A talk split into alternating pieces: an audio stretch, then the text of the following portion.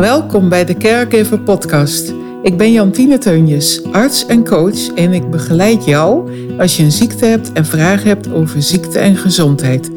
Ik wil jou inspireren en ondersteunen, ook als je familie bent van iemand met een ziekte.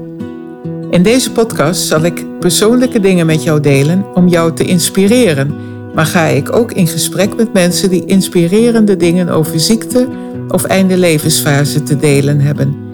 Ben je op zoek naar inspiratie of mijmeringen rondom ziekte of einde levensfase? Luister dan naar de Caregiver Podcast. Beste luisteraar, hallo. Het is een tijdje geleden dat ik een solo-opname heb gemaakt. En daar had ik nu eventjes weer zin in.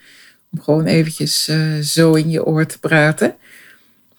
Ja, ik heb de laatste tijd hele leuke, boeiende, interessante interviews gehad met een aantal mensen.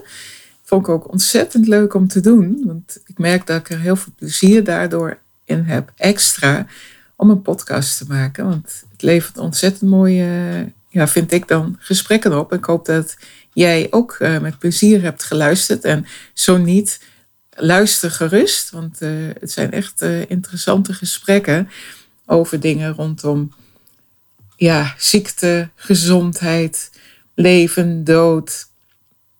Diepzinnige gesprekken ook over uh, ja, vragen die mensen hebben. Dingen waar ze tegenaan lopen in hun leven. Als ze bijvoorbeeld een ziekte hebben of als ze bezig zijn met uh, mensen die in een einde levensproces zitten. Of als, uh, ja, dus als zelfdeskundigen, maar ook soms als ook inhoudsdeskundigen. Want iedereen maakt ook dingen mee in zijn leven. En misschien alleen maar inhoudsdeskundige. En dan kan het ook nog zijn dat je zelf een ziekte hebt of hebt gehad. Of dat je familieleden hebt of uh, nabijstaanden die een ziekte hebben of hebben gehad. En soms uh, zit je ook al na een stervensproces uh, van iemand dat er iets schokkends gebeurd is. of dat het juist heel mooi en heel fijn is verlopen, het hele proces. En dat je daar nog eens over wilt praten dat kan. Hè? En ja, eigenlijk in deze podcast wil ik jou vertellen wat ik voor jou zou kunnen betekenen. Dat kan een heleboel zijn. Met name een luisterend oor. Daar ben ik vooral voor. En dat kan heel breed gaan. Dat kan ook gaan dat ik allerlei dingen uit de kast kan halen. Dingen die ik ook geleerd heb. Dat kan zijn gewoon puur luisteren. Ik denk dat dat al heel belangrijk is, dat je je verhaal kwijt kunt als je dingen hebt, vragen hebt. Stel je moeder is dement, ik noem maar wat. Dat je afvraagt van nou, hoe kan ik daar nou het beste mee omgaan? Kan ik haar nog thuis houden? Of kan ze nog thuis blijven wonen? Of kan ik in een andere vorm zorg aanbieden? Kan ik dat zelf? Of heb ik daar anderen bij nodig? Hoe kan ik dat dan organiseren? Dat kan bijvoorbeeld al een vraag zijn, hè, waarbij je uh, graag bij mij terecht zou willen komen. Daar kan ik in helpen. Want ik uh, ken het veld, ik ken de ziekte, ik ken ja, uit eigen ervaring ook wat het is als iemand in je nabijheid uh, dement is. Maar zeker ook als zorgverlener, als arts ben ik het vaak tegengekomen en kom ik het nog tegen. Wat is dat? Wat houdt het allemaal in voor mensen? Het is best heel pittig om dat uh, mee te maken. Wat doet dat met je als je dat meemaakt? Dat is heel uh, intensief. En misschien zelfs een dement iemand die zelf eens wil praten met mij. Dat zou ook nog zomaar kunnen in een beginstadium. Die beseft van nou, er gebeuren rare dingen in mijn hoofd. Wat moet ik hiermee? Waar kan ik hiermee terecht? Misschien ja, heb je geen idee wat er aan de hand is. Misschien is er wel helemaal geen dementie. Ben je somber? Dat zijn ook dingen die, ja, door nader onderzoek uh, verder zijn uh, te achterhalen. Dus dat is een voorbeeld. Als je bijvoorbeeld uh, merkt dat je krachtsverlies hebt of epilepsie, ik noem maar wat. Epilepsie, dat noem ik even een medische term. Ik ben het zo gewend. Ik ben een beetje gedeformeerd door mijn, door mijn opleiding. Ehm, dat is eigenlijk als je een soort kortsluiting in de hersenen krijgt, waardoor je op de grond kan vallen, buiten bewustzijn kan raken.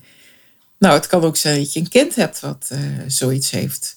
Dat je daar vragen over hebt, dat je behoefte hebt aan steun. Dat kan. En dat kan van alles zijn. Dat kan zijn van, uh, wat is het? Het kan ook zijn, wat moet ik hiermee? Het kan ook zijn, hoe kan ik uh, hier zorg voor regelen? Ik kan het zelf allemaal niet meer aan. Maar het kan ook zijn van, ja, hoe kan ik het zelf wel zo goed mogelijk aan met hulp in mijn omgeving? Dat zijn vragen die je kunt hebben. Nou, ook iets als misschien uh, maal je continu over iets. Hoe, je, hoe het verder moet met je gezondheid. Of wil je iets op papier zetten over je gezondheid of wat, er, wat je zou willen als het niet meer zo goed of slechter met je gaat. Of misschien wil je wel nadenken, dat kan ook nog, hè, over je levenseinde.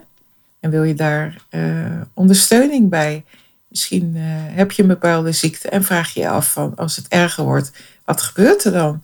Wat zijn, is de prognose eventueel? Wat kan ik verwachten van deze ziekte? En als ik dat dan weet, wat kan dat voor consequenties hebben voor hoe ik uh, tegen dingen aankijk en hoe ik ze eventueel kan vastleggen? Maar ook, um, ja, misschien top je zelfs wel en vraag je af of uh, ja, wat goede stappen zijn in je beleid. Kan je het redden met, met medicatie of andere hulpmiddelen of andere dingen? Uh, heb je misschien behoefte aan een stukje healing? In die vorm kan ik ook wat bieden.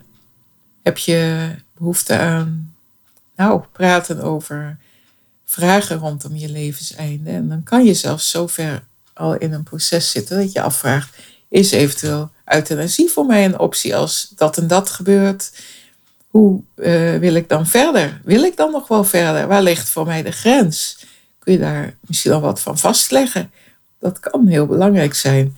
Het is natuurlijk heel belangrijk ook bij een vraagstuk als euthanasie om je af te vragen in hoeverre ben ik of is mijn familielid of mijn nabijstaande op dit moment nog wilsbekwaam? Want wilsbekwaamheid is daar een hele belangrijke in.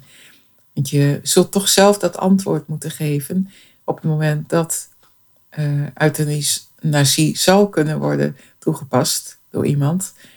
Wat komt er bijvoorbeeld allemaal bij kijken? Daar kan ik ook in meedenken en meekijken. Maar wat zijn de overwegingen erbij? En zijn er misschien nog andere oplossingen? Dit is wel een hele drastische. Ik moet je eerlijk bekennen, ik heb zelf nooit euthanasie bij iemand uh, toegepast. Wel heel dichtbij gestaan of het meegekregen. Ik had er heel zelf persoonlijk moeite mee om het toe te passen. Wat niet wil zeggen dat ik er niet naar kan luisteren. Want ik uh, kan je wel ondersteunen in dat proces en luisteren naar je vragen daaromheen. En uh, ja, ook uh, weet ik wel wat er gaat gebeuren en wat er allemaal in mogelijk is. En ook wat er eventueel voor andere mogelijkheden zijn. Maar als je echt heel expliciet die vraag hebt, dan weet ik ook de wegen hoe je met mensen in aanraking kunt komen die je daar verder in kunnen helpen. En ik kan je ook uitleggen ja, welke stappen daarin uh, gezet kunnen worden, eventueel, als je die vraag echt hebt. En ik kan me het me voorstellen als je echt uh, een uitzichtsloos uh, lijden hebt. En ook verwacht dat er een uitzichtsloos lijden komt dan kan er zeker in, door mij, uh, kan ik daar met je in meedenken. En kan ik naar je vragen daaromheen luisteren en meedenken daar ook in. Nou, ik heb bijvoorbeeld ook uh, de mogelijkheid om een situatie uh, te bekijken. Bijvoorbeeld, stel je hebt een vader die een longziekte heeft, ernstige longziekte. Hoe kan je hier zo goed mogelijk mee omgaan? Dat is een ding. Maar meestal zijn mensen wel goed in behandeling. Maar ik kan altijd ook nog een second opinion over situaties geven. Wat er eventueel anders kan of wie daarin kan helpen. Nou ja, dan kun je bijvoorbeeld met dat voorbeeld van die longziekte. Dan kan uh, bijvoorbeeld ook de partner of de nabijstaande. Dat kan jij zijn bijvoorbeeld. Die kan ik dan begeleiden. Misschien heb je het wel heel zwaar. Misschien voel je de dood wel aankomen bij je partner. Of probeer je uit alle macht uh, te kijken van wat kunnen we nog? En hoe kunnen we nog genieten samen van ons leven? zonder al die ballast of zo min mogelijk ballast. Er zal altijd wel een stukje zijn wat, ja, wat niet comfortabel voelt in het hele proces. Maar hoe kun je dat zo goed mogelijk uh, regelen? Dat je je samen daar comfortabel in voelt. Niet alleen de zieke persoon, jij misschien, of, uh, maar ook eventueel je partner, of misschien ben je de partner, of de, het familielid, of de nabijstaande. Hoe kunnen we daar samen een weg in vinden om het zo uh, ja, aangenaam mogelijk binnen de mogelijkheden te maken? Want dat kan echt. Dat kan echt, ja. Je kunt je ook bijvoorbeeld heel erg onzeker voelen over dingen als mantelzorgen. Van kan ik het allemaal wel? En hoe kan ik het zo goed mogelijk regelen? Er zijn bijvoorbeeld mensen die heel veel op hun bordje krijgen. Die misschien zelfs wel boven één persoon, misschien meerdere personen zelfs verzorgen. Dat kan, hè? En dat kan ook je kind zijn, hè? Misschien je kind dat uh, hersenbeschadiging heeft. Of uh, uh, ja, het kan van alles zijn. Of aangeboren afwijkingen waar je het heel pittig mee hebt met elkaar. Dan mag je ook blij zijn als je mensen om je heen hebt die je daar ook in kunnen ondersteunen. Dat is ook niet altijd het geval voor allerlei omstandigheden. Dus dat uh, maakt het er niet eenvoudiger op. Maar ook je ouders, of je vriend, vriendin, of je partner. Kan allemaal, hè? Het kan ook zijn dat je al een goede behandeling ontvangt, krijgt van een ziekenhuis, van een uh, zeer betrokken arts. En dat je toch eens een keer iemand anders ook eens wilt horen over het proces. Of over andere dingen. Het hoeft niet eens medisch te zijn, hè, maar dat je gewoon eens je hart wilt luchten. Het medische kan er wel altijd in meegenomen worden, want ik ben natuurlijk uh, medisch geschoold. Ik ben arts, dus ik kan uh, best heel breed kijken. Filosofisch, medisch, maar ook uh, spiritueel. Ook dat stuk, hè, van misschien heb je vragen over wat is nou eigenlijk dood? Wat gebeurt er dan? Is daar helderheid over of is dat allemaal een vaag iets. En misschien uh, heb je af en toe het gevoel van ik heb het licht gezien in iets. Ik uh, zie nu andere dingen dan een tijdje terug en kan ik daar eens met jou over praten. Dat kan. Ik kan dan ook uh, het puur medische stuk daarin meenemen, maar ik kan zeker ook kijken van wat is er nog meer. Weet je wat het mooie is bij mij? Om even reclame voor mezelf te maken. Ik ben dus uh, arts, dus ik heb kennis van alle medische dingen. Ik ben ouderenarts gespecialiseerd. Maar ik ben wel heel breed opgeleid. Ik heb gewoon een basisopleiding ook daarnaast. Dus ik kan uh, wat dat betreft heel veel overzien. Het voordeel dat ik ouderenarts ben, is dat ik ook zeker dat medisch-ethische ook heel sterk heb meegekregen in mijn opleiding. Want ouderenartsen behandelen in principe niet uh, zo fors door als bijvoorbeeld huisartsen of andere specialisten. Want wij uh, hebben toch meer dat beschouwende, dat we zeggen van nou um, ja, als het niet echt expliciet nodig is, waarom zou je dan zo ontzettend, uh, ja, ik noem het even agressief doorbehandelen? Het kan natuurlijk een keuze zijn als je heel jong bent, dat je zegt, nou, ik haal alles uit de kast om te herstellen van mijn kanker. Dat kan ik me dan 100% voorstellen. Maar stel je hebt iemand van 80 of 90, die krijgt kanker. Uh, ga je dan alles uit de kast trekken om iemand weer helemaal te genezen? Met de kans ook dat iemand niet eens meer helemaal geneest. Dat zijn dus dingen waar ik over heb leren nadenken, ook al tijdens mijn opleiding. En doordat ik uh, altijd al wel interesse heb gehad in meer de spirituele kant, neem ik die er ook al jaren in mee.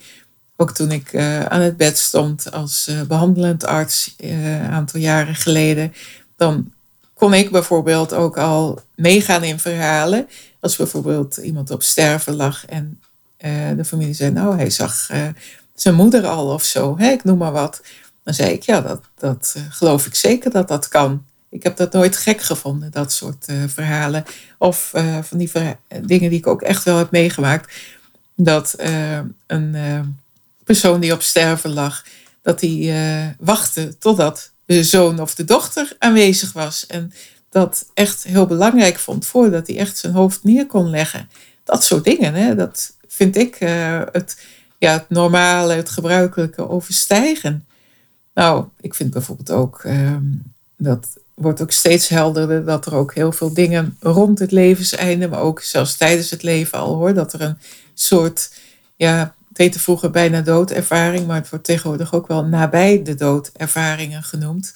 Dat is eigenlijk waar ik het net ook over had, dat er uh, ja, zich verschijnselen voordoen bij mensen. En dat schijnt echt bij bijna alle mensen voor te komen.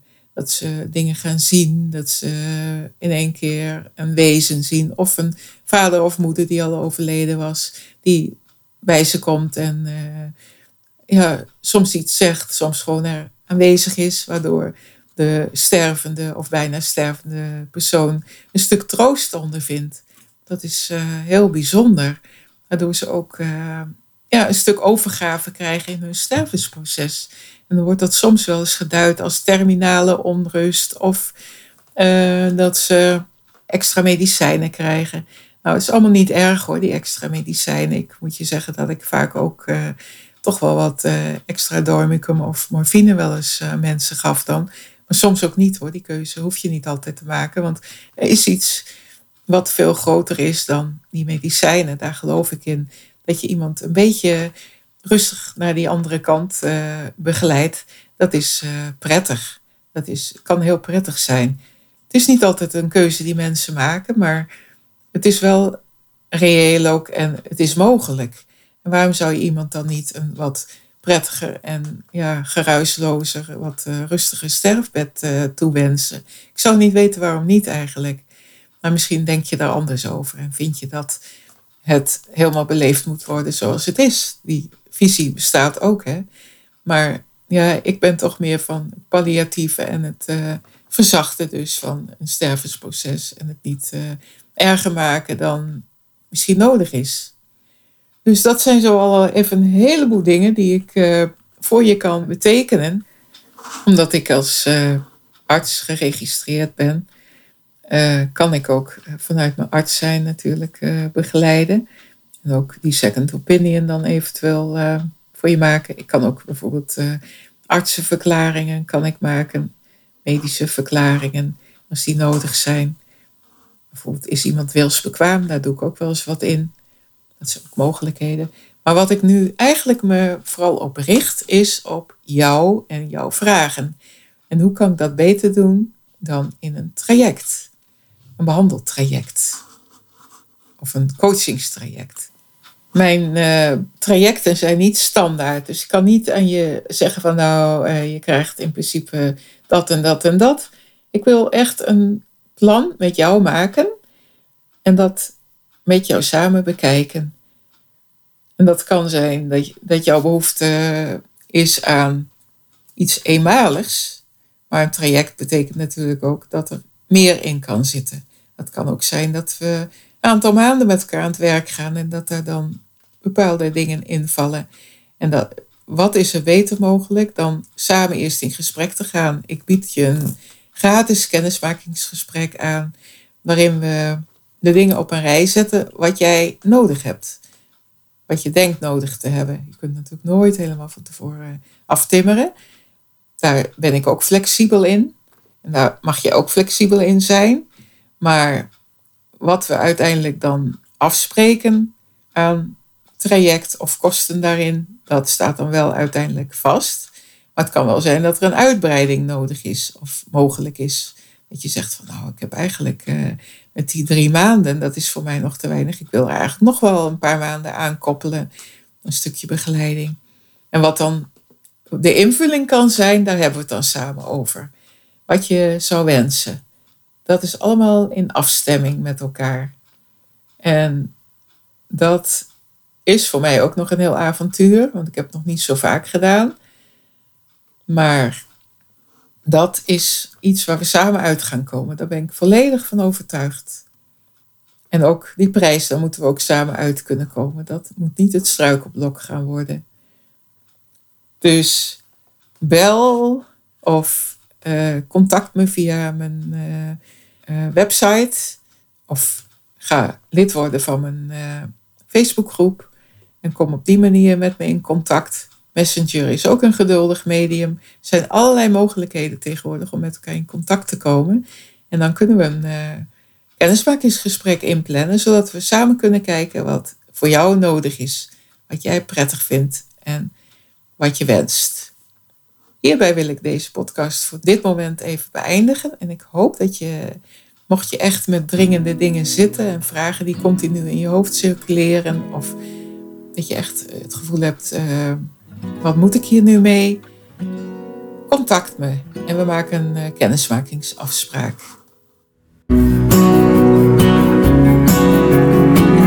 Hierbij zijn we aan het einde gekomen van deze aflevering van de Caregiver Podcast.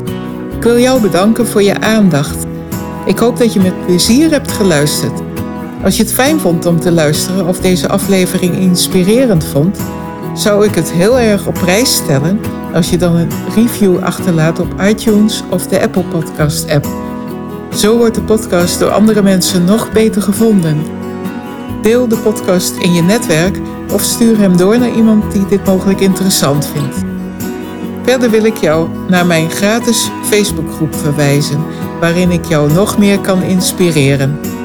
Over twee weken is er weer een nieuwe aflevering.